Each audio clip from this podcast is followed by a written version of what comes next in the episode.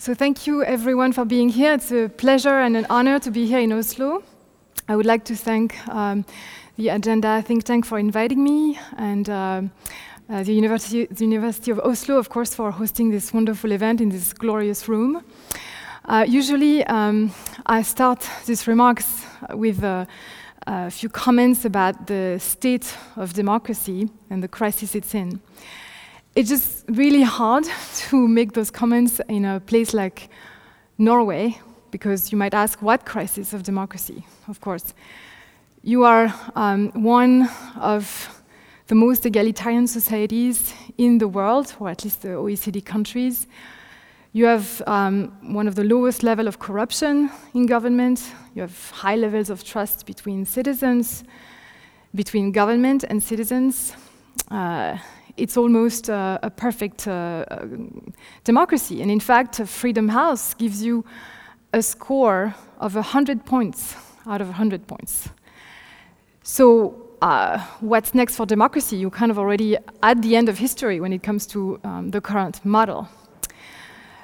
But uh, precisely, you might think that, well, if we are at 100 points, maybe it's time to graduate to a new uh, version of popular rule, something that's more inclusive, more open, more ambitious, and really put citizens at the center of the institution. So, what I'm going to try to do in this lecture is um, uh, um, invite you to rethink what we mean by people's power and popular rule in such a way that we build our institution centering ordinary citizens rather than elected um, uh, politicians. So that has some radical implications, of course, that I'm going to get into. Uh, but in order to um, get there, I think we first need to return to the definition of democracy. We think we know what it is, um, but time and time again, in fact, we, I think we overlook what it really, how radical that ideal is. So, what does democracy mean? It means people's power, right? But somehow historically, we've come to mean something different uh, by it. We've come to mean rule for the people by elected elites who rule with the consent of the people. So it's an element of popular sovereignty and popular consent, but it's not actually ruled by the people. And if you think of another famous definition by uh, Abraham Lincoln of democracy as rule of the people, by the people, and for the people, I think we've um, overemphasized the for the people dimension and underexplored the dimension of rule by the people, by ordinary citizens, not just um, elected elites. In fact, uh, if you look at again uh, Freedom House uh, definition, Freedom House definition of, of democracy, it's a much narrower understanding of what it means. It, it, means for them a political system, I quote, whose leaders are elected in competitive multi party and multi candidate processes in which opposition parties have a legitimate chance of attaining power or participating in power. So the bar is uh, simply to have competition between party platforms and an alterna- an, a rotation of elected elites in power. There's nothing said there about inclusion and uh, political equality in particular, which to me seem like the two central values um, of democracy. So, in my view, the systems we live in are democratic le legitimate forms of rule for the people, but not technically ruled by the people. And in fact, if you look back at the history of our systems, if you go back to the 18th century, those systems were never really meant to empower people. They were, on the contrary, built against democracy as much as against monarchies. Um, uh, you know, in the US, for example, the, the, the, the Federalist Papers make it very clear that the intention of building this American Republic uh, was in part to keep the people in its collective capacity um, outside of power, right? Uh, it was meant to, to, to uh, entrench uh, rule by a natural aristocracy, which was going to filter the judgment of the people. And that explains, for example, that you don't have the possibility of a referendum at the uh, national level in the US, or uh, the judgment of the majority is filtered by the um, uh, great electors when it comes to presidential elections. So it's only ruled by the people in a very metaphorical way. And you might say, well, what's the problem with that, right? I mean, don't we care about good governance if that's what our representative systems deliver? What's so wrong about it, right? Well, for one thing, if we're truly Democrats, if we're truly committed to political equality, that should bother us. The fact that um, our system send to power, um, you know, uh, distribute political office, political power on an unequal basis, that should be, that should be seen as a problem. In fact, uh, it's not a new argument. Aristotle made the case a long time ago that elections um, are an oligarchic mechanism of selection, right? You, you select on the basis of criteria that are not evenly distributed in the population and that make um, candidates very salient, either because they're charismatic or wealthy or because they look good or because they have connections.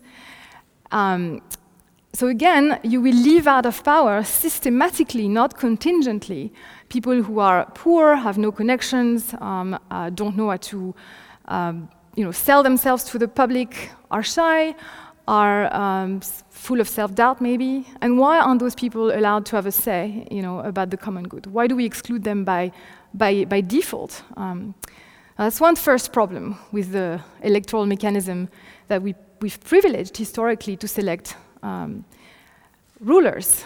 It's not really in line with our democratic commitments. The second problem is that not only do you violate a fundamental commitment to political equality, but you lose out on the collective wisdom that's distributed across the entire population. So the argument here is that when you send power, uh, when you send people to power on the basis of um, uh, election, you create blind spots in the bodies that are formed. So it's not an accusation of politicians as corrupt. I think that's not the issue here. The issue is that they will have as a body, as a body of relatively, um, uh, you know, uh, of people from homogeneous socioeconomic backgrounds in particular, they will have blind spots. That explains, for example, why in France, my home country, uh, my native country, we ha we've had in recent years the yellow vest movements. You may have heard of those people who uh, have sort of donned uh, fluorescent yellow jackets to protest against their invisibility in the system. Um, they rebelled against a fuel tax that was decided by the French government. A government full of well intentioned people, certainly, but people who are very educated, very urban, and for whom an additional five euros at the pump each month doesn't make much of a difference. But for this peri urban, um, uh, middle to lower class populations, uh, that uh, associated with the Yellow Vest movements, it meant a lot. And they felt that their concerns were not um, taken seriously. So here I want to invoke also um, uh, the authority of uh, um, an author that I really like. So, so basically what, I, I'm saying here so far is that you know, the ancient ideal of democracies was, was ruling and being ruled in turn. And that's not what we have in modern parliaments, which is ruled by um, political elites and a, a professional class. But I want, I want to go to uh, the argument for why um, democracy should be capable of tapping the collective wisdom of the people. And it, it, it's um, a historian, sociologist, and political philosopher named W.E.B. Du Bois. Uh, he has formulated what I think is the best argument for democracy that's knowledge based uh, that I know of, at least since Aristotle. Aristotle famously compared democracy to, uh, you know, a potluck dinner. Said that, you know, he said that um, a potluck dinner is better than a party organized by one person alone because you have a greater diversity of, of dishes, of music. Um, it makes people uh, happier.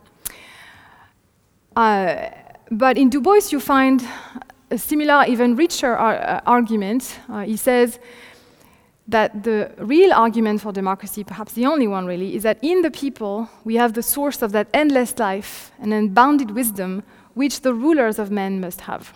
There are some masculinist assumptions in the expression rulers of men, but the rulers of human beings uh, should have a sort of knowledge that's only contained in the entirety of the people.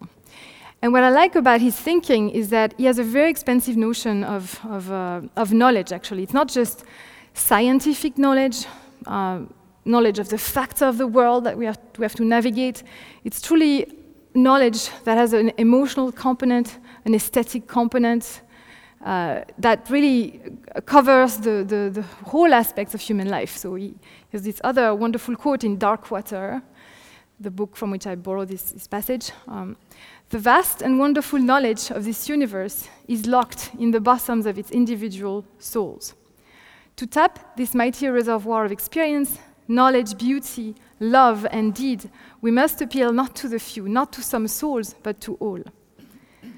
So that's a real argument for democracy, uh, according to, to Du Bois, and um, it's a knowledge based argument. So, what alternatives do I offer? What does it look like to really tap the collective wisdom of the people? I call that model open democracy. It's meant to open up the center of power, which for me is the legislative power, to everyone on an equal basis. Um, I should emphasize that even though it's meant to be ruled by the people, it's not necessarily a form of direct democracy, right? Um, I'm not asking us to gather in large meetings and um, run by referenda, right? That doesn't sound like a feasible or even a desirable option. Instead, I want to modernize the ancient ideal of ruling and being ruled in turn with this idea of representing and being represented in turn. And so, centrally, the sort of central uh, institution of this open democracy will be a randomly selected assembly, a large, randomly selected assembly of ordinary citizens. Picture 300 to 500 citizens, plucked at random from all corners of Norway, gathering in a equivalent of a parliament, a house of the people, you might call it, for several months, perhaps several years, rotating. Uh, and basically making the law and policies for, for the country for a certain period of time. That to me is closer to rule of the people. And the idea would be that they wouldn't do this in, like, in secrecy and cut off from, from the rest of the population, but in an open manner, connected to the larger public through all kinds of mechanisms and rights that uh, allow people to uh, communicate both ways, really. So, what are um, the main features of that system. So, so, so before I go into them, I also want to emphasize that I don't offer open democracy as a, as a constitutional blueprint, as, as a complete sort of a detailed uh, design, right? Um, it's more a set of guidelines, a set of values and principles that should orient, inform constitutional reforms, reforms in general, political reforms, to bring our existing systems closer to true rule by the people. So it's a lens, it's not a, it's not a, um, a specific blueprint. It's, it's a lens through which we can see the flaws in our current system and envision something new. So now, what are the, the, the principles? So there, there are five. Um, I could have come up with 12 or three. I settled on five as the most parsimonious way to, to sort of concentrate um, the, the, you know, um, to, to, to, delineate what seemed to me most essential to this vision. So there are um, participation rights, deliberation, the majoritarian principle, democratic representation, and um, transparency. So I'll go over each of them a little bit. So participation rights, what do I mean by that? Um, it's not just voting rights. Voting rights are, in a way, you know, central, definitely, very important. But um, they only allow us to basically uh, express a very limited form of opinion, right? It's in the form of a yes or a no or the name of a candidate. Um, so I want to go beyond that form of participation, which is very minimal and also very infrequent, and empower citizens with new forms of right, such as, I mean, some of them already exist um, in Switzerland, for example, but in many advanced democracies, they are very sparingly used or not used at all. So one of them is the Citizens Initiative, uh, which is the possibility for citizens to put an idea for a, for a law on the agenda of the, the parliament. So in my, my, in my preference, this parliament would be randomly selected, but you know, even in, in electoral systems, you could have uh, the option for citizens to put something on, on the agenda. That alone is, is uh, an improvement. Of course, you need to gather enough signatures for this proposal to be taken seriously by, by Parliament. But if it reaches a sufficient number of signatures, then it would have to be debated and answered and addressed in a, in a sort of um, place of authority like a parliament. Additionally, if um, that initiative took off and gathered an even larger number of signatures and could be phrased in a, in a sort of legal format, maybe it could be sent directly to a referendum as well. That's one way to empower citizens as individuals.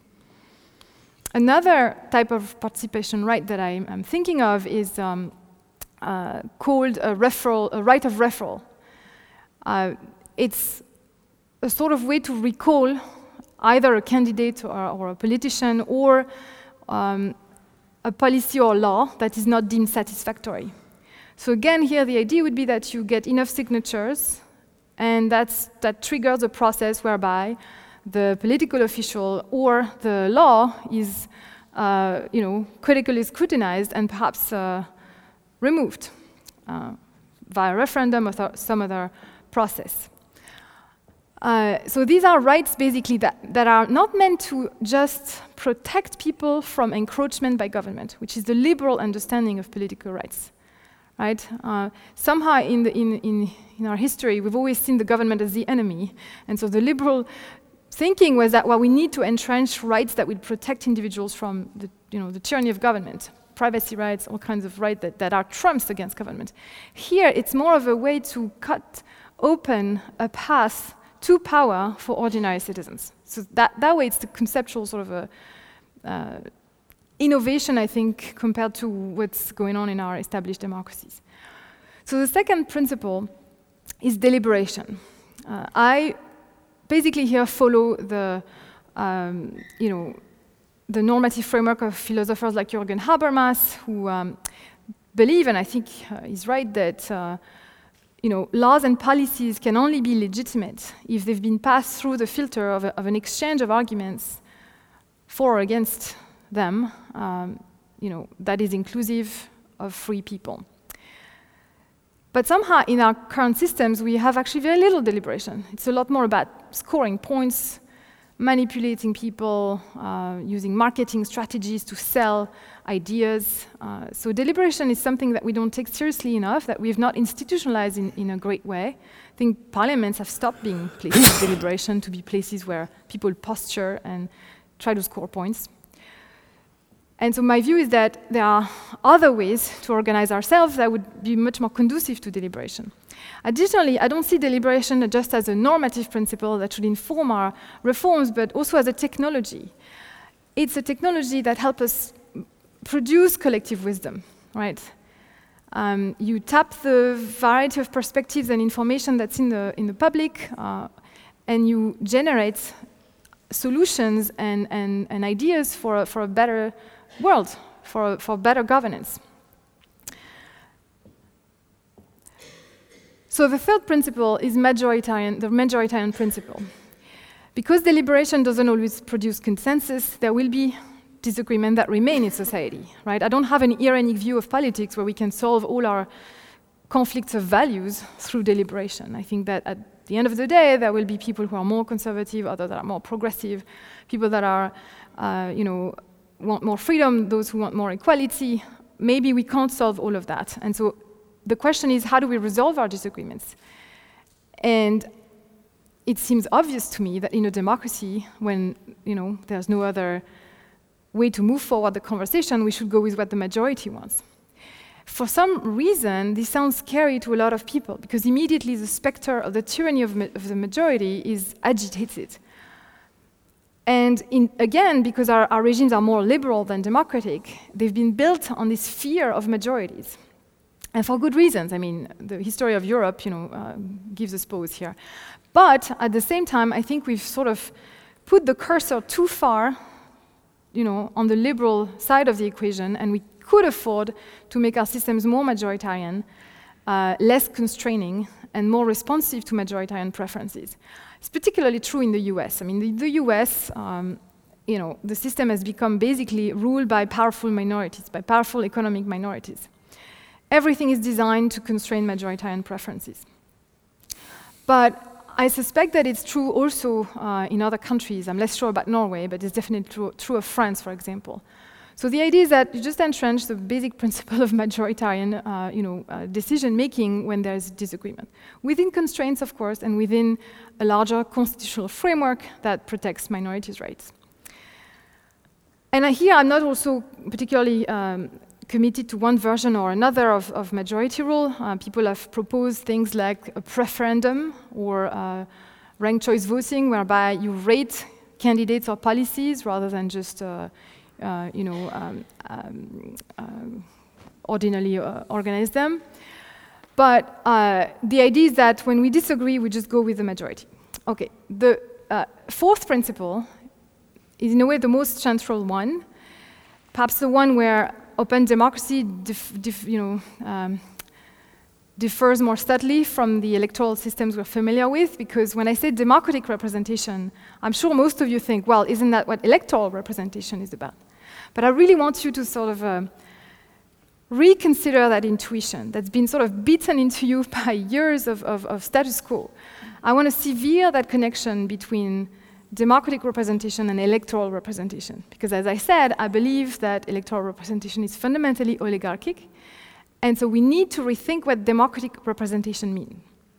What does it mean? Well, to me, it means that it's a form of representation that's equally accessible by all on an inclusive and equal basis.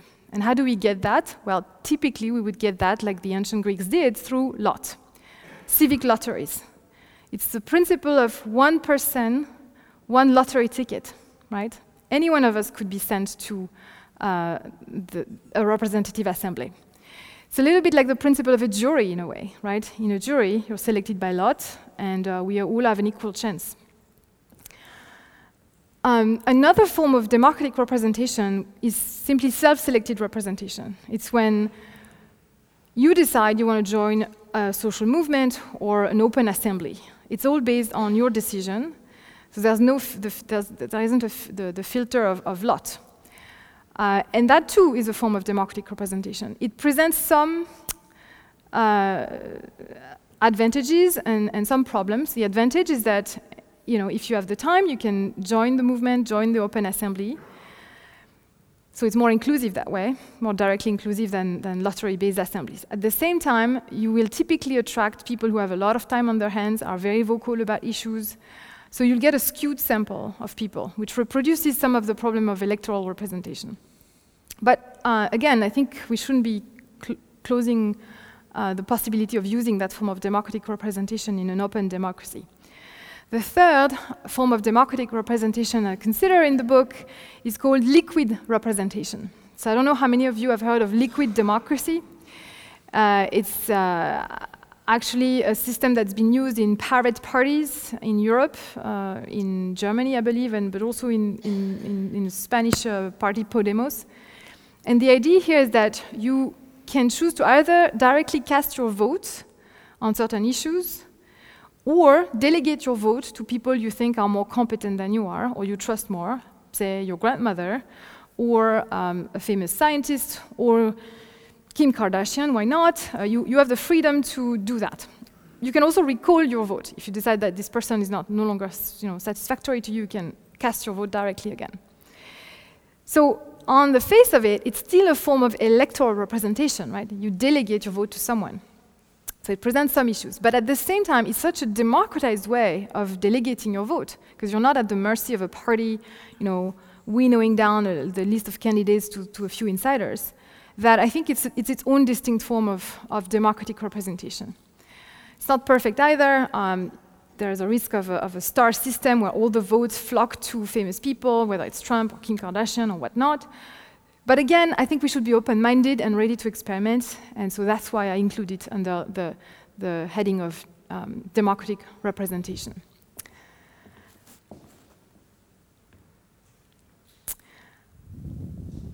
Okay, so so this is a this is a model, very bare bone model, right? That has at the center this large randomly selected assembly connected to the larger public through, let's say, crowdsourcing platforms, and the possibility for ordinary citizens to activate their participation rights, to put things on the agenda, recall uh, laws and policies they don't like, etc., etc. And regularly, you'd have wide-scale referenda to, you know, figure out what the people really want on certain big-ticket issues. I don't know how frequent those referenda would be. Uh, I don't have a clear idea of how any of this would like pan out in, in exact, you know, detail in practice. But I think that's that's a, a schema that I, I would like you to have in mind. Um, so you might ask at this point, well, you want to be, you know, you want to place citizens at the heart of our institutions. That's a big ask. Are they capable of, of it? Are they capable of producing laws and policies the way elected officials are? Isn't that too much to ask? And would they even be willing to do it? Well, ask yourself would you be willing to do it? Do you feel capable, competent, uh, to do something like this. But luckily, I don't have to rely just on intuitions because there is, at this point, a, a, a large number uh, of processes and experiments that have been conducted around the world, and some of them, to my mind, establish that indeed citizens are competent. So, the first example, the first historical example, is of course ancient Athens, right? So it was a very exclusionary democracy. Only, you know, free males of the right ethnic uh, origin really belonged. But among them, really, they were able to generate laws and policies um, without having to delegate that task to elected officials, right? It was all based on lot and self selection. So that's one example. You may say, well, yes, but surely this can't scale and this can't translate to the modern world. We live in such complicated and complex societies, and so forget about the Greek example. Well, then, I have another more recent example, which is the case of uh, British Columbia in Canada, which entrusted a group of 160 randomly selected citizens with uh, the task of producing an electoral reform, because they've, they've, come to realize that elected officials were too self-serving for that task. So they uh, asked citizens to do it. They came up with an excellent proposal uh, in 2004 that was put to a referendum and judged excellent by experts as well. I'm not uh, just talking about the general perception. It didn't pass in the referendum, I think, in my view, because the requirement was too high. There was a supermajoritarian threshold for it to pass, and so that didn't go through. But to my mind, it showed that people can actually do really difficult work on, on you know, constitutional matters, on electoral reform. In 2010, Iceland next did something really interesting as well. It um, basically rewrote, uh, tried to rewrite its constitution on the basis of the input of 950 randomly selected citizens, a so-called national forum, which was charged with you know, debrief, brainstorming about the values they wanted to see encoded in their constitution. On the basis of the work of 25 amateurs, people who are elected from a pool of non-politicians, and on the basis of the feedback that came from the larger crowd on the internet, uh, to which uh, this group of 25 outsourced some of the, you know, some of the reading and analysis. So uh, this is what the Council of 25 looked like. Um, again, not your typical assembly of constitutional scholars or high-level officials, but really a group that reflects some of the diversity of Iceland. Um, uh, you had almost parity in terms of gender. You had a student in there, a farmer, an electrician, uh, uh, and on the fore foreground, you see uh, Freyja Haraldsdottir, who's a severely disabled human rights acti uh, activist. And they came up with a you know, beautiful constitutional proposal, which again went to die in Parliament because Parliament at that point um, uh, you know, had basically re conservative reasons to object to the, to the, to the draft. So for a more successful example, I'd now turn to the French Citizens Convention for Climate. I'm curious how many of you have heard of it, actually, in this crowd. All right, a handful of people. So it's, it's uh, something that happened because of the Yellow Vest movements, pretty much. You know, we had this rebellion, social protest, it got really violent. So Macron, President Macron, decided to go the deliberative route instead of the repressive route, or just not the repressive route. And he organized a great national debate that lasted two months in uh, February and March 2019, which basically put French politics on pause. People just talked to each other in local meetings, in uh, randomly selected regional assemblies. There were 21 of those organized throughout the territory. on the internet. They wrote grievance books in city halls, and all of that, like these, these like you know, hundreds of thousands of um, contributions were collated and analyzed. And on the basis of that input, President Macron decided to convene a citizens' convention for climate. So, an assembly of 150 randomly selected citizens from all over France that were tasked with something really ambitious come up with quasi legislative proposals on how to deal with our greenhouse gas emissions and curb them in a spirit of social justice. So he basically said, Look, I failed. I tried to impose a carbon tax on the country. I got the Yellow Vest movement. So I'm going to let you, ordinary citizens, tell me what I should do, you know, policy wise, legally, about climate justice. And they did that. So the first picture I'm showing you is of the 150 in the um, sort of uh, in this uh, on, on, on, the staircase of the Iéna Palace, which is uh, the seat of our third legislative chamber. And on the foreground, you see the governance committee who steered this, um, this uh, group of, of, citizens.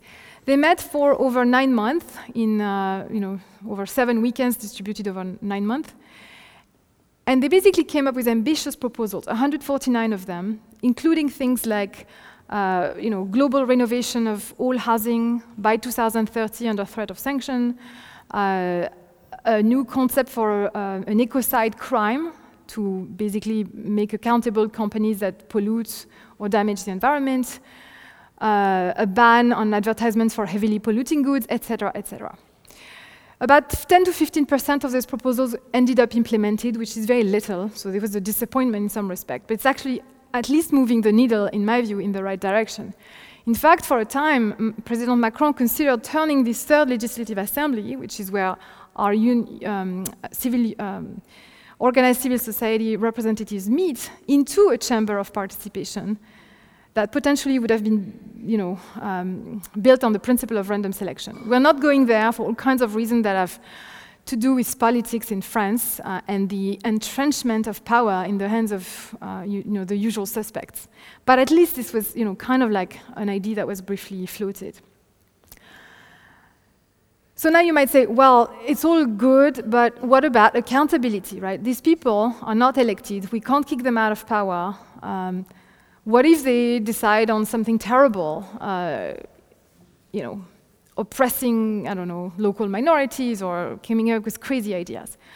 So I think it's a very theoretical objection at this point because uh, you know, there are over 400 cases of such mini publics that have taken place in the world at this point, according to an OECD report that came out in 2020. None of them produce crazy, dangerous proposals. There's actually a common sense and consensual nature of these um, sort of assemblies that I think is very reassuring. That said, um, the usual protections should apply. You should have constitutional rights, you should have um, ethics committee, you should have ways to keep these um, people accountable. That's where the fifth principle uh, comes in, the, the, principle of transparency that I think I, I uh, didn't quite mention. Um, the transparency is the fifth principle, and, and I introduce it as an accountability mechanism, right? Uh, because of course you want to know what's going on in, in these assemblies. You want to make sure nothing untoward happens, uh, there's no undue influence of lobbyists, etc., etc. Though I think it's harder for lobbyists to control an assembly that's selected at random than an elected one.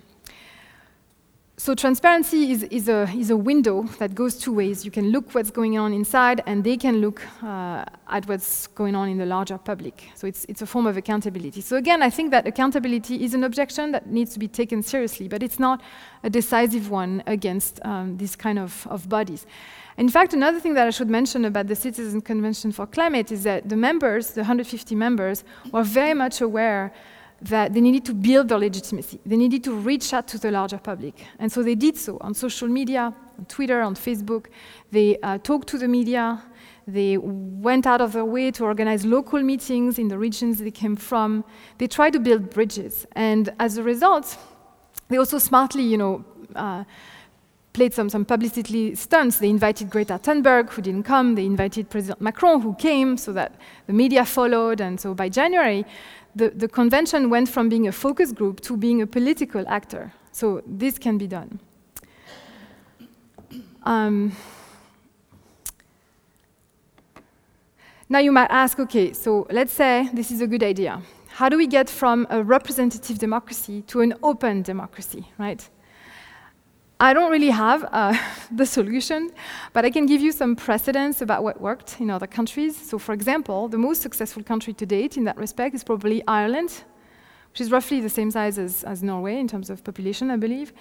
And they did it by going the hybrid route.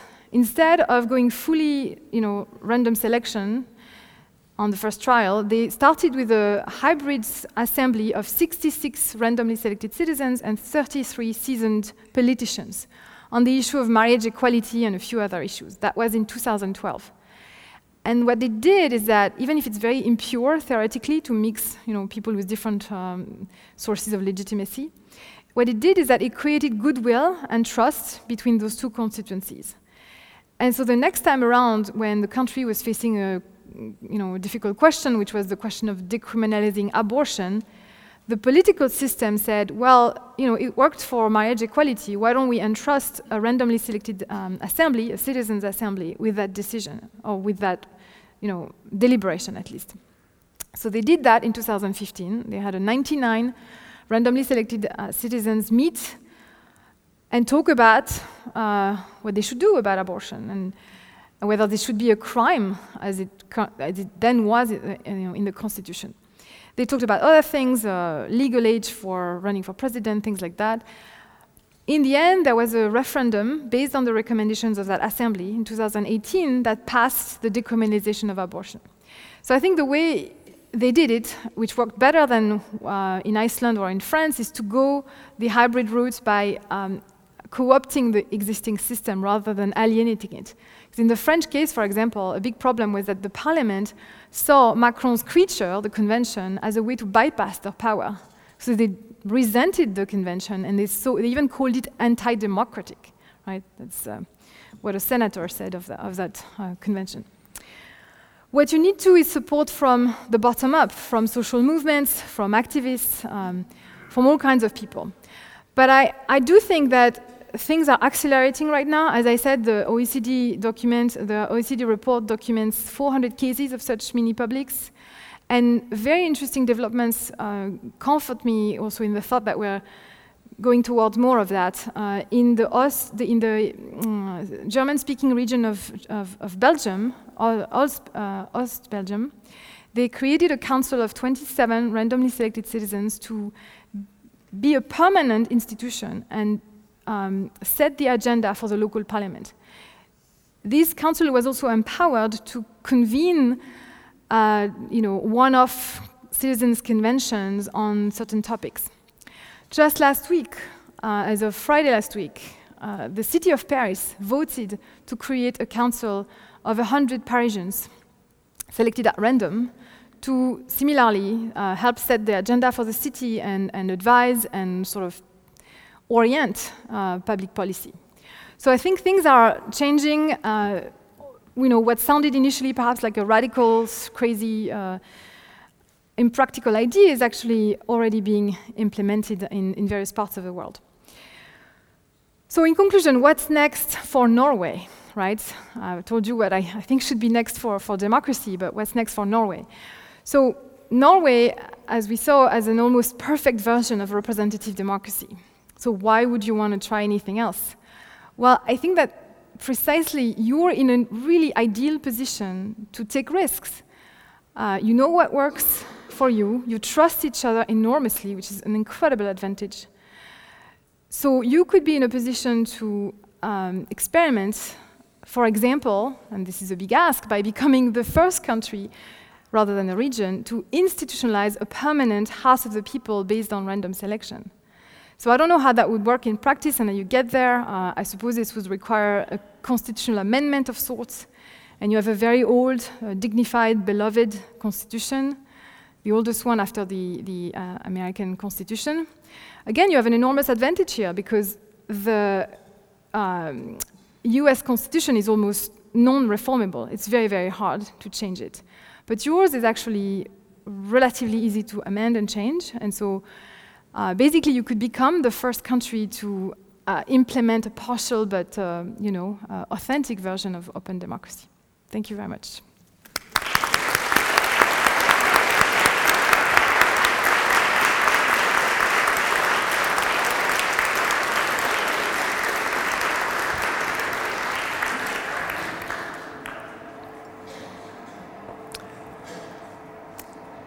Thank you very much. Uh, and I love to welcome up on stage also uh, Professor Kalle Moene and Professor uh, Cathrine Holst. A round of applause for them as well.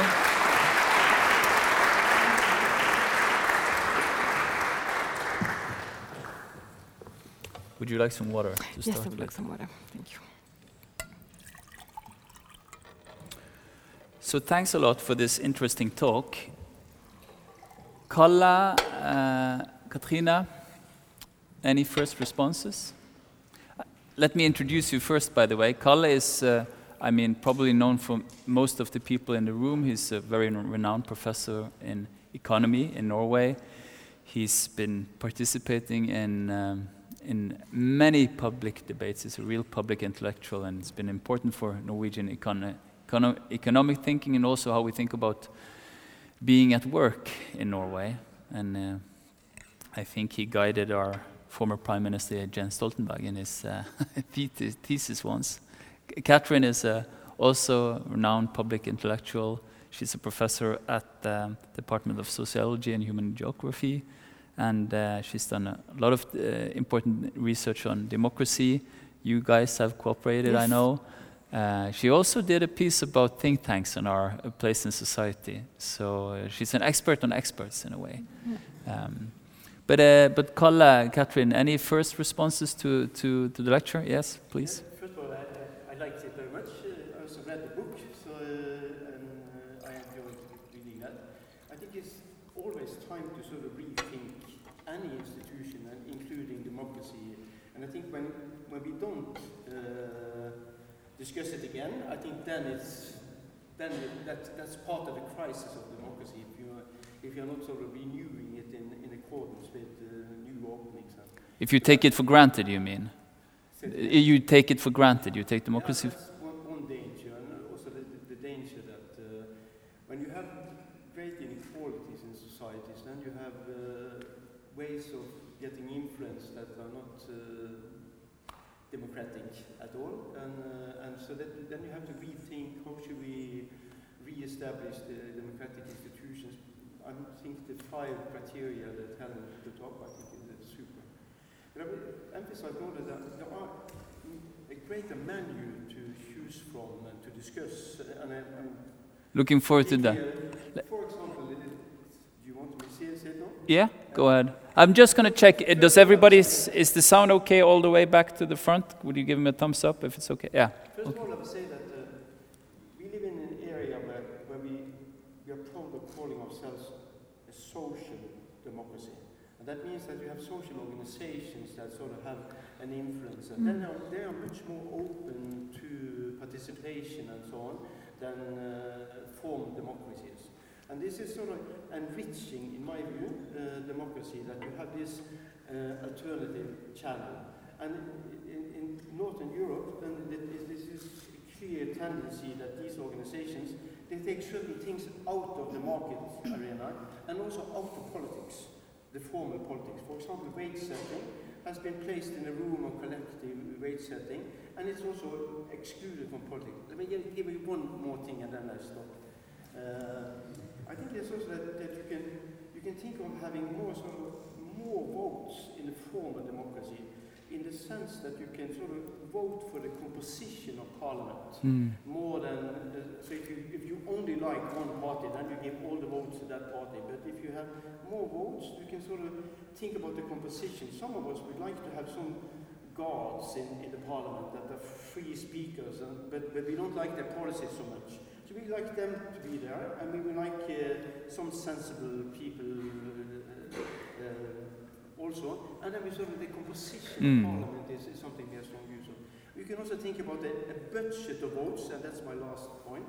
Uh, a budget of votes that, uh, that each uh, participant in, uh, in the electorate have uh, uh, um, for different issues. In, in, uh, in, when, when you have votes over certain issues, then you can use, if you feel very intensively about this, you can use all your budget for the four years on this issue and you can uh, spread it out on different issues. Uh, so that, the point of mentioning all these things that, that there are many combinations of democratic rule, And I think social organization, Yeah. uh, participation in, in, in social organizations, and sort of different rules of how you uh, use the vote and how the voting system is. Great. Thanks, Kalle. And also, Kalle, he's from Bergen, which is the same city that I'm from. And we, we're famous, Helen, for that we love to talk a lot. Oh, really? So we're going to have a great debate here. And Catherine, she actually got her PhD in Bergen, if I remember right. So she's, uh, she's perfectly used to this. Do you have any first response to Kalle? I just want to say, I mean, uh, uh, it's very inspiring to, to read Helene's book. It's very intelligent, very thought-provoking, and it, I think it's, uh, it's a reminder of the radical promise of democracy as participation as you said, I mean, Norway used to think about it more incrementally, more in terms of modest reform. How can we improve uh, institutions that function already quite well, but I think it is this reminder of the radical promise, and uh, and it is certainly the case that uh, this promise is very far from Mm. from being fulfilled. So I really, I mean, I really support this uh, agenda, and just to mention a couple of things that are in need of severe uh, improvement. So, so the first thing that Helene is very concerned about in her book is how uh, how policy formulation and agenda setting Mm. is ex- extremely influenced by elites, no, uh, far too little broad participation. And, and I hear, I think she has a lot of uh, very interesting uh, proposals that we may also think of here in terms of more use of, of mini publics, crowdsourcing mechanisms, and so on.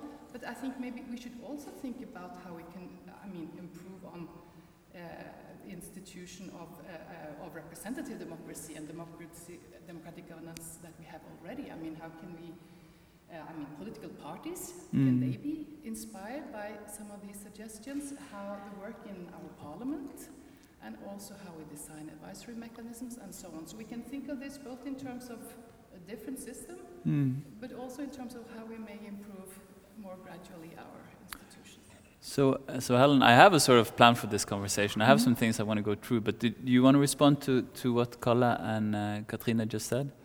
Well, I, I, I completely agree. I think that this model needs to be enriched also by um, other other types of you know ways to to use the vote. For example, as you said, we could vote directly on budget allocation, things like that. I think that's very interesting. Uh, I I think that you know I propose this as a kind of a skeleton of a of a of a new system, and it, you can graft onto it uh, all kinds of things. And in particular, I don't say much about the role of social movements in it because I see like another metaphor I could use is that I, I see what I what I do as uh, providing the, the hardware for this new system, but you still need the software of social movements and, and organizations and unions in particular to like uh, inhabit that space and and and uh, you know make make it alive, flesh Mm. flesh it out. So so I think that that yeah I'm in agreement. So, um, uh, three topics I like to go through. Uh, one is democracy, sort of like an ideal that we strive against. Uh, and I want to also talk a bit about democratic innovations that Mhm. you speak about and, and ask you questions about that. And, and then the, the role of trust in the end. That's sort of like the scope. And then we'll finish up on time, uh, is my Mm. goal. Um, can I just uh, begin to ask you, because, well, you referred to Habermas and you talked about the role of the deliberation. Right. But in a way, we live in this. I mean, when I talk to people about the public debate, Yeah. uh, and please fill in, Kalle and Katrina, uh, m- many of us are simply overwhelmed, you know, because Yeah. there's so much debate going on all the time. Uh, but still, you put a, an important role of the role of deliberation, and this, and you, I guess you define yourself yeah, as a as, deliberative. as a uh, deliberative democ- Democrat. So can you just fill out what the importance of deliberation in, in the information age? Uh, Right. So when I talk about deliberation, I tend to, to talk about it and think of it mostly in the context of smaller scale groups, which are in charge of legislating and, and producing decisions.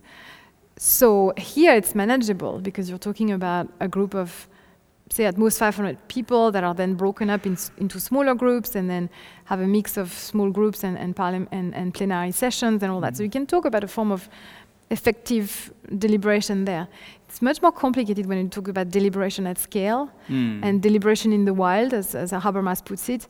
I'm not entirely sure that can happen in an uncontrolled, unstructured way as he hoped. Mm. Uh, in fact, you get a lot of chaos. You get the, you know, polarization. You get uh, fake news. You get all sorts of really bad things at that level.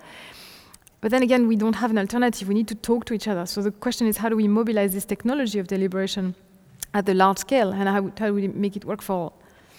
Kalle, you did done some important, inter- interesting work on democracy in the workplace. Uh, and I don't know if that's what you were thinking about. No, but, but, but that's also relevant for this discussion. So I think that if, if you're going to look for ideals and the concrete practice in, in most countries, I think where the deviation is largest is in the workplace. I think that uh, you have huge concentration of power, huge concentration of important decision for how the whole society works, and it's very little democracy uh, Mm. represented. All the five criteria are violated uh, in the workplace.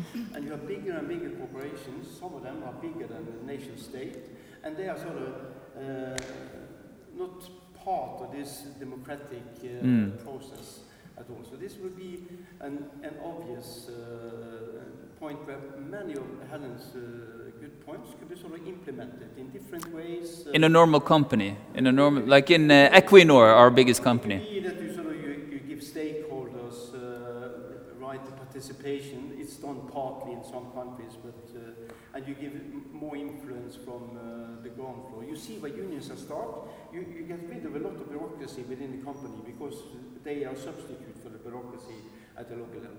You can also have much more. Can, let me just get that straight. So, if you have a strong union, uh, it's, bet- it's easier to run a company because there's a lot of bureaucracy that you don't need. It's cheaper. Yeah, so you see it very, very clearly when, uh, when uh, for example, uh, you get new, very good uh, workers coming to Norway.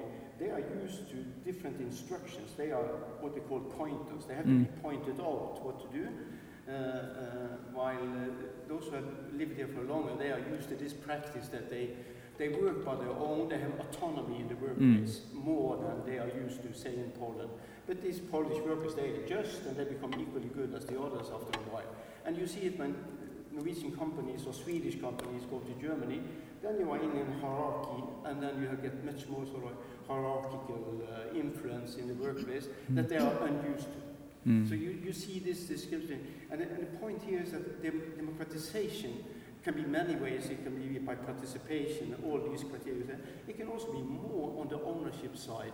Mm. Remember that we got the structure that we have in most company, in most countries and in most companies, when capital was the scarce factor, and sort of education uh, uh, was low in the population. And then, of course, the, the openness for reform of this now, where, where, where- where people are richer and they have more education, should also be open for much more democracy at the workplace. So, so Helen, um, you have you wrote not in Open Democracy, I think, but in another piece, you wrote an interesting sort of scenario where Mark Zuckerberg Yeah. he gives away Facebook. Yeah. He, he, and he, he says now it is going to be a foundation and it's going to be called Citizen Book. Uh, my colleague uh, Hilda, uh, she wrote a, a great chronicle in Aftenposten, our biggest newspaper, about it this week, referring to that uh, that ID. Right. And that would be, s- I mean, that would be like a merge of what Kalle is talking about. A huge company democratizing itself. So yeah, I didn't go into it, but another part of my work is about democratizing the, the workplace. Uh, in fact, I'm part of a movement. If you're interested, Google it. Uh, it's called Democratizing Work. We just had a big global forum on this issue. Uh, because we, we, we believe that really organization, economic organizations are not that different from governments and, and, and states and communities, political communities. So there's no reason why they- they run like uh, oligarchic regimes, you know. And I think there's a loss of collective wisdom, a violation of people's equality and, and rights at all levels. So, um, so if we're going to democratize something like Facebook, it should be both at the level of the corporation governance, but also in terms of the practices on the platform, right? So th- there, there's so much we can do. I think the, you know, the sky is the limit. We need to raise the bar. Yes, uh, uh, I, I, I you, you said, uh, I mean, this is, you said that maybe here in Norway it is, would be a good place to, to do more experimentation on this because there are high levels of Mm. trust, etc. And I wonder also whether how whether you think about what do you think about other institutional conditions that are that social and political scientists often talk about in terms of how to make stable democracies and make Yeah. democratic um, experimentation. Um, I mean, such as rule of law, Rule of uh, law, for sure. distributive welfare schemes, uh, well-functioning public uh, bureaucracies, and so on. Very often, these insti- broader institutional settings are often put up as preconditions Right. for, for, for democracy. And so this maybe so this talks in favor of maybe that democratic struggles need to have a, a broader institutional perspective uh, as well. I wonder what you what Yeah. you think about Well, that. so that's a really good sort of question about the empirical conditions of open democracy. I think that from what I observe, uh, you do need, I mean, it, it's only taken place really in, in extremely advanced democracies, right? Uh, like Iceland, like uh, Ireland, France. I mean, you have a rule of law, you have very competent bureaucracies and, and state apparatus that can both finance and organize these kind of uh, experiments. So, you know, uh, we need to learn more about the conditions where, where that are necessary. But I think one one um, aspect of the French Convention that was really interesting is that it, finally this kind of experiment took place in a country that's big, you know, 67 million people, and very multicultural. Because one objection I often hear is that, oh well, you're talking about experiment that can only run in very homogeneous countries, and that's just not true. The French context, you know, was very diverse. So I think we have to try that elsewhere. You know, it can uh, Africa, Middle East. Uh, at some point, you have to try. Um, in fact, I know for a fact that Tunisia, which is not doing very well at the moment, ha, you know, he's considering a citizens' assembly as a potential solution to, to the, the rift that's taking place right now. And any idea that, you know, if you have, um, in a private company can do what they like, right? So they could be much more democratic if, if it works, if the business model will. Any, any hopes that if you democratize work, as Kalle is, is saying, that you can, uh, that, that it would be actually very profitable and successful and so forth, uh, and sort of beat Facebook and, and, and the big f- five big tech companies and so forth. I mean, Amazon, Facebook, it's not very democratic organizations. I think if you make the comparison between sort of ideal democracy uh, and the real functioning of, of modern societies, I think you will find the, I think sort of the, the governance at the central level, that is not the worst case. I think the worst cases are elsewhere. But the, the combination of concentration of power in companies and the imperfection that you also have in, in the governance structure of any company, I think these imperfections Mm. reinforce each other. So then you get much more sort of influence from uh, capital interests uh, in, in politics than you otherwise would have. If you, if you think about it, so the, a, a big company, that is very far from democratic ideals in, in the sense that it is, if it is resemble anything, it will resemble the Soviet Union. It Mm. excludes markets from its internal structure. It has a very hierarchical structure, just as Soviet Union. While, while what you would like to have is more participation, where people are, are, have more influence, uh, because a, a lot of things in society are created by uh, cooperation, that we trust each other, and so on, and that, that produces gains. Mm. And these gains shouldn't be allocated to those who own the capital only. These gains should be, of course, shared because they are created by everybody. So that is a, one basic ground why participation and sharing at a much wider scale is important and also productive. Helen? Well, there's the example of Mondragon in Spain, which is a large you know, corporation. Uh, at one point, had 80,000 employees, and since the 60s, it's been running itself along democratic lines, electoral democratic lines, but still. Um, and the thing that uh, the talking about the conditions of possibility for this kind of things, they quickly found out that they need their own banks, their own university, their own you know ecosystem, because capitalist banks are not going to trust them and invest in them.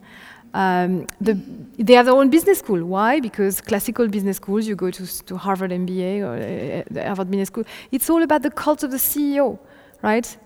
So you don't inculcate the right values there. You need to Mm. talk about, okay, how can ordinary workers contribute to the company? What are their rights? Like, so i- there's an ideology behind our, our system which, which valorizes individuals at the Mm. expense of the collective, which valorizes individual competence at the expense of diversity of competencies and, and you know and, and input. So you need to rethink the whole thing. Mm. I, I believe. And I guess your work, uh, you really approach it like, okay, let's look at the, the, the, the basic ideology uh, Mm. behind it, and you, you, you really question some of our basic ideas. And I guess, uh, if I'm right, you sort of you question the, um, the, the liberal republic idea that grew out of enlightenment, basically. And, and it's a real challenge, I guess, because we've been thinking like this for 300 years. And you sort of ask us to take a huge leap 2,300 years back and go back to Athens and uh, start with lottery and start with di- direct, democracy again. Yeah, except I don't agree that it had to grow uh, from the Enlightenment. You could have taken a much more democratic path from the get-go. In fact, in the U.S., you had a current which had, you know, its problems and was not all the way democratic, but called the anti-federalist movement. Uh, they lost the battle of ideas, so we don't talk about them. But they had a vision for democratic representation that was a mini public, literally. There was a miniature portrait of the people. That's what they wanted. The Federalists, you know, wanted something else. They wanted a filter vision, and they wanted like natural aristocracy in charge.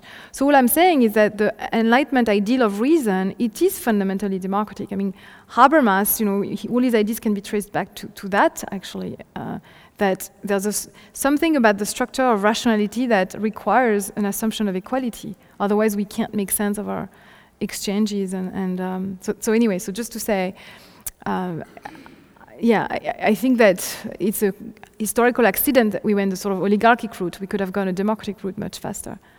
Cathrine, response? No, I'm thi- still thinking about whether, like a country in Norway, is that we have a very ho- maybe we have very hospitable conditions to try out this. Mm. So maybe, the, but I think the problem maybe in this setting may be more uh, the imaginary. Um, I mean, there is also research showing that that uh, citizens of uh, poorly performing regimes uh, have more radical conceptions of Yeah. democracy Yeah. than, than, than typically that we would have here. So maybe this is the obstacle here because I think there is uh, these institutional preconditions for this kind of experimentation. At Mm. least maybe they are not necessary, but they probably facilitate Mm. enough because then Yeah. we feel safe. We don't feel that we take this risk. We have actually we are privileged and can do it. But it's maybe more a problem of the imaginary in, in, in. It's interesting. It's a par- you're pointing to a sort of interesting paradox, which is i- it's in countries like Norway that we should be able to, to experiment the more, the most, because the preconditions are there. But those preconditions actually make it so comfortable that why you know you like the incentive and the and the vision in a way. Yeah. If you, it's a welfare society, everybody's okay. Yeah. Why change any? Why, why? Well, you know, if it's if it's not broken, why fix it, right? Yeah. But you want us to fix it. Well, I just want you to, to you know, think about ways of, I mean, because if you don't change, the, the world will catch up. And, and, and it's not like no, Norwegian society is perfect. I know you have some issues around, uh, you know, the tr- green transition. And, and uh, so you, you may want to prepare for tougher times ahead, in a way. So we're not perfect. Well, who is, right? I agree. Kalle, let me ask you something because you didn't done so much work on um, on the welfare state and the Nordic model, and um, the, and I guess um, uh, in agenda we're really concerned about the role of the unions, uh, and I guess one of the, this is this is a bit of a Norwegian nerdy point, but I'm I'm just going to try to make because what happens every year is that you have the tops in the labor movement and the tops of the business associations, and they gather, and we have this world called conflict partnership, very centralized. It's, it's, it's, a, it's really representative, and you have people, and they, they meet and they, they, they sort of negotiate about the ground rules of, of how the Nordic model, our economy, and our work life will, uh, will play itself out. And it's a system we are really proud of. And how would that work with Hel- Helen's ideas? Uh, Wouldn't that totally crush the Nordic model, basically? No, I, I think it's, it, it's actually follow it's part of her uh, suggestions or principles. Uh, why? Because so the, the union movement have been so is, is, is, is bottom up. is organized from the lowest wages in this country. Mm. Don't think about French unions. Yeah. Forget about them because they're very undemocratic. Yes, they They're. Much more elected representatives at the workplace, and they build up. Initially, they thought, I guess, that they should have a, a, a, sort of a kind of influence in the Labour Party, the, their their party, or two parties to the left.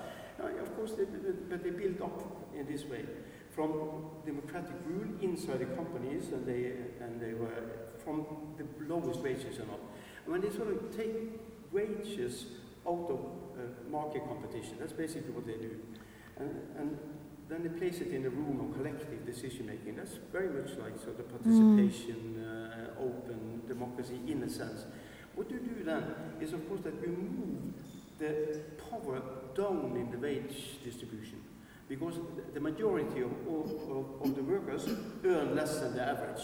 And that means that the, the majority, that's true for all income distributions, as you, as you Mm. know, the majority earn less than the, and the average. That means that there's a majority in all these elections, uh, sorry, in all this bargaining where, where the unions set the aspirations for what they're going to have for, for, for the lower part of the income Mm. distribution.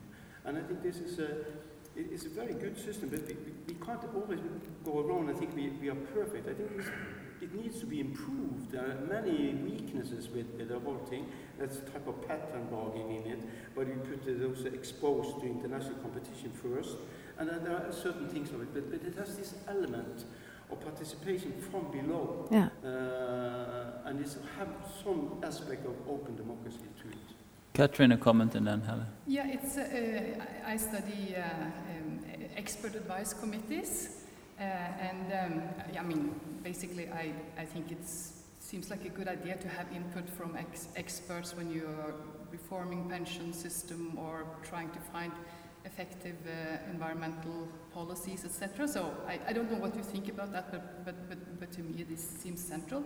But on the other hand, like we have this uh, very powerful, really, expert advice committees in, in, in the Nordic countries, for example, also including uh, stakeholders, but a kind of elite composition. And I th- but- still, I mean, even though I think expert input probably is essential for high quality policies as well, I mean, there is a lot of scope here also for, uh, for uh, making uh, at least some of these committees with clearly broad political mandates much more Mm. inclusive in terms of uh, policy formulation, and you can think about much more use of, for example, the crowdsourcing Mhm. mechanism that, that you are suggesting.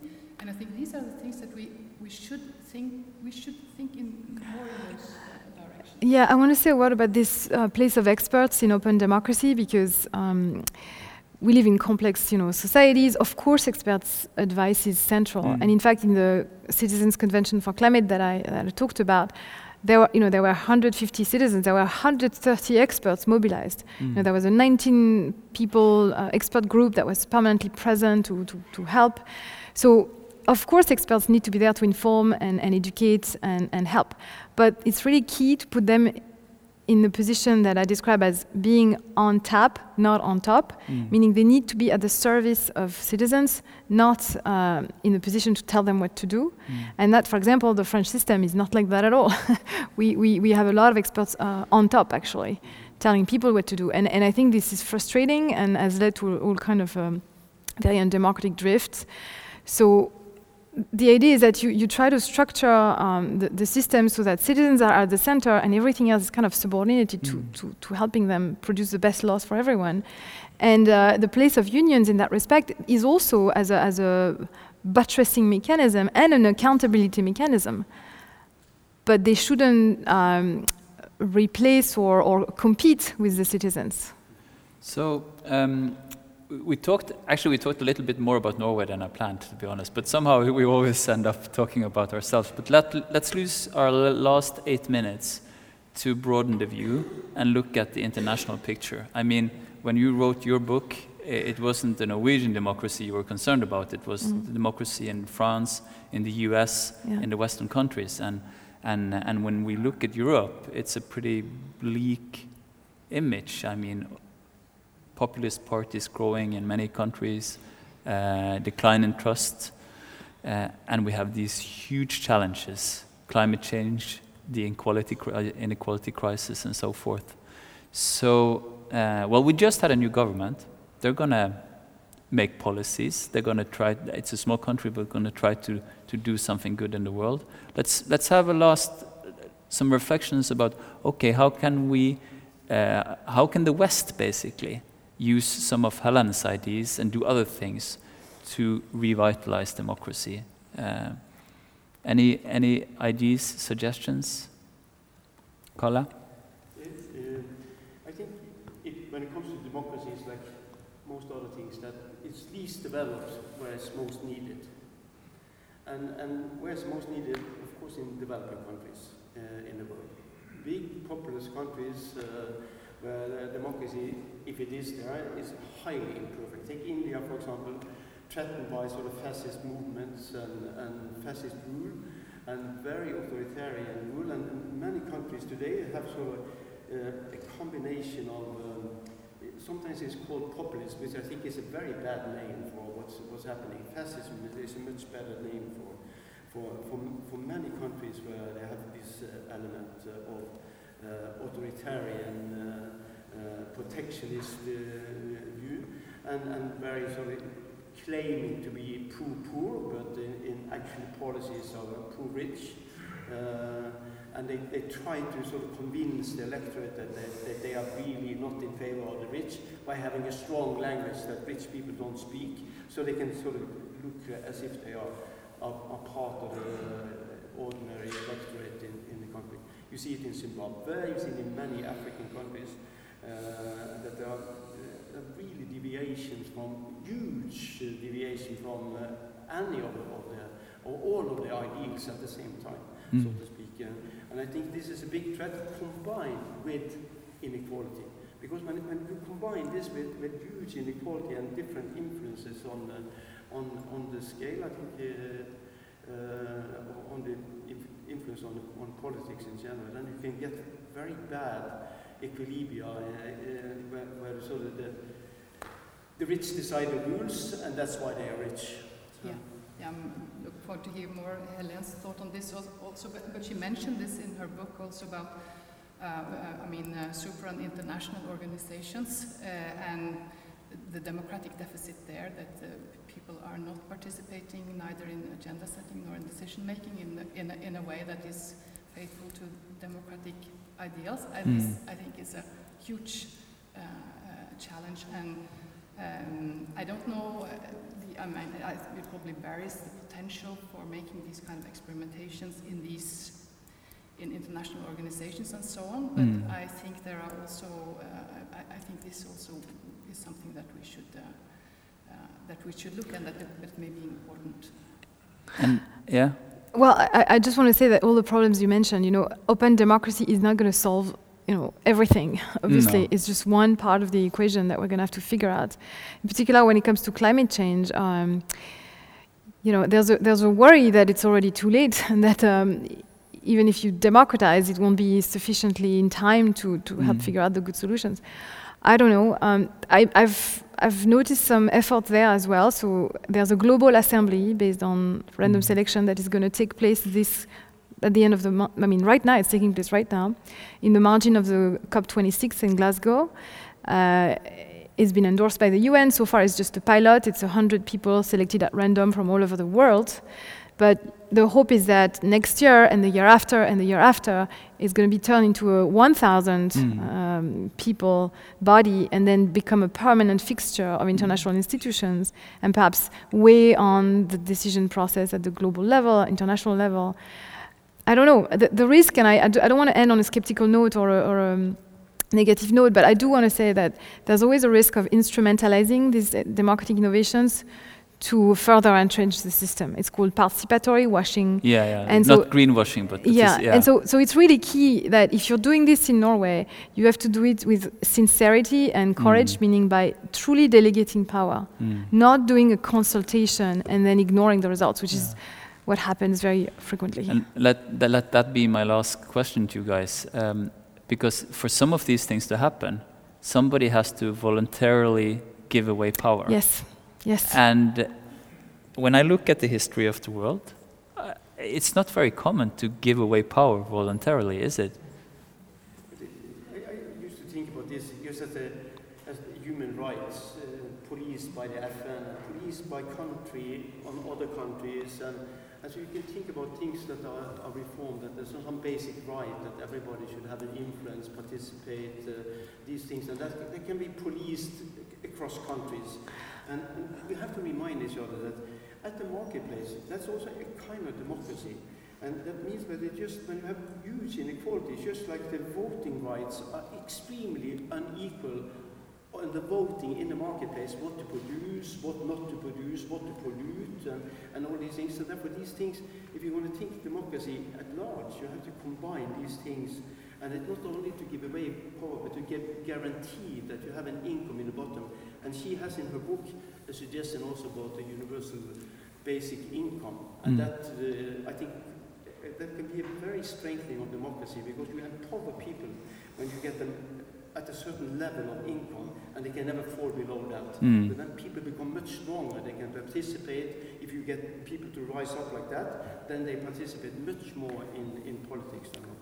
Cathrine, any hope that uh, that Yeah, the yeah, I think it was maybe too, too uh, negative uh, assessment of history. I mean, there are also many examples of political mobilization of minority getting their rights and, and, and, and social movements uh, actually getting through with their demands. So, uh, so, so, so this will be, um, this will take, this will be the case even here. But of course, there needs to be political mobilization here. It's not enough with a philosopher and a beautiful book. It needs to. you have hope for the future? Yeah, yeah.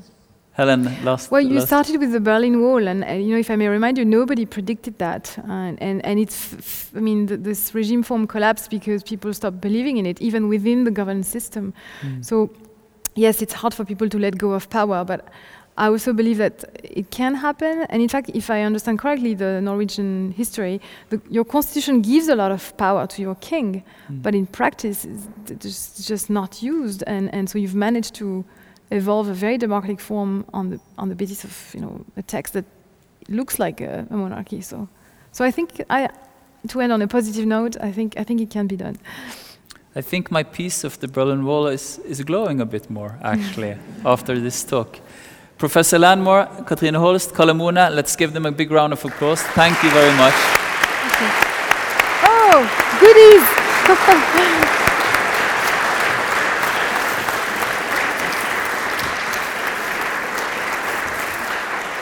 Thank you.